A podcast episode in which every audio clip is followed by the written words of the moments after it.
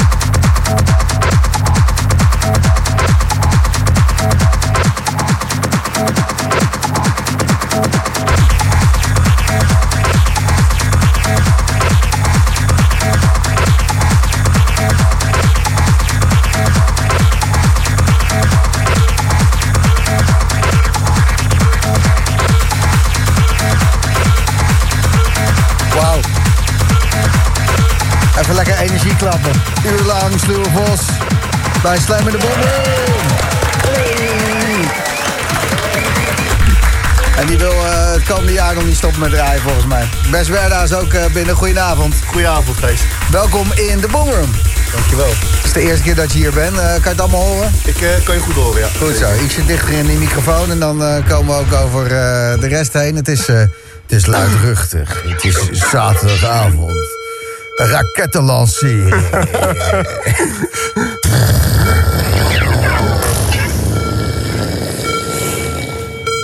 De van. Sorry. Geef me galm met de microfoon.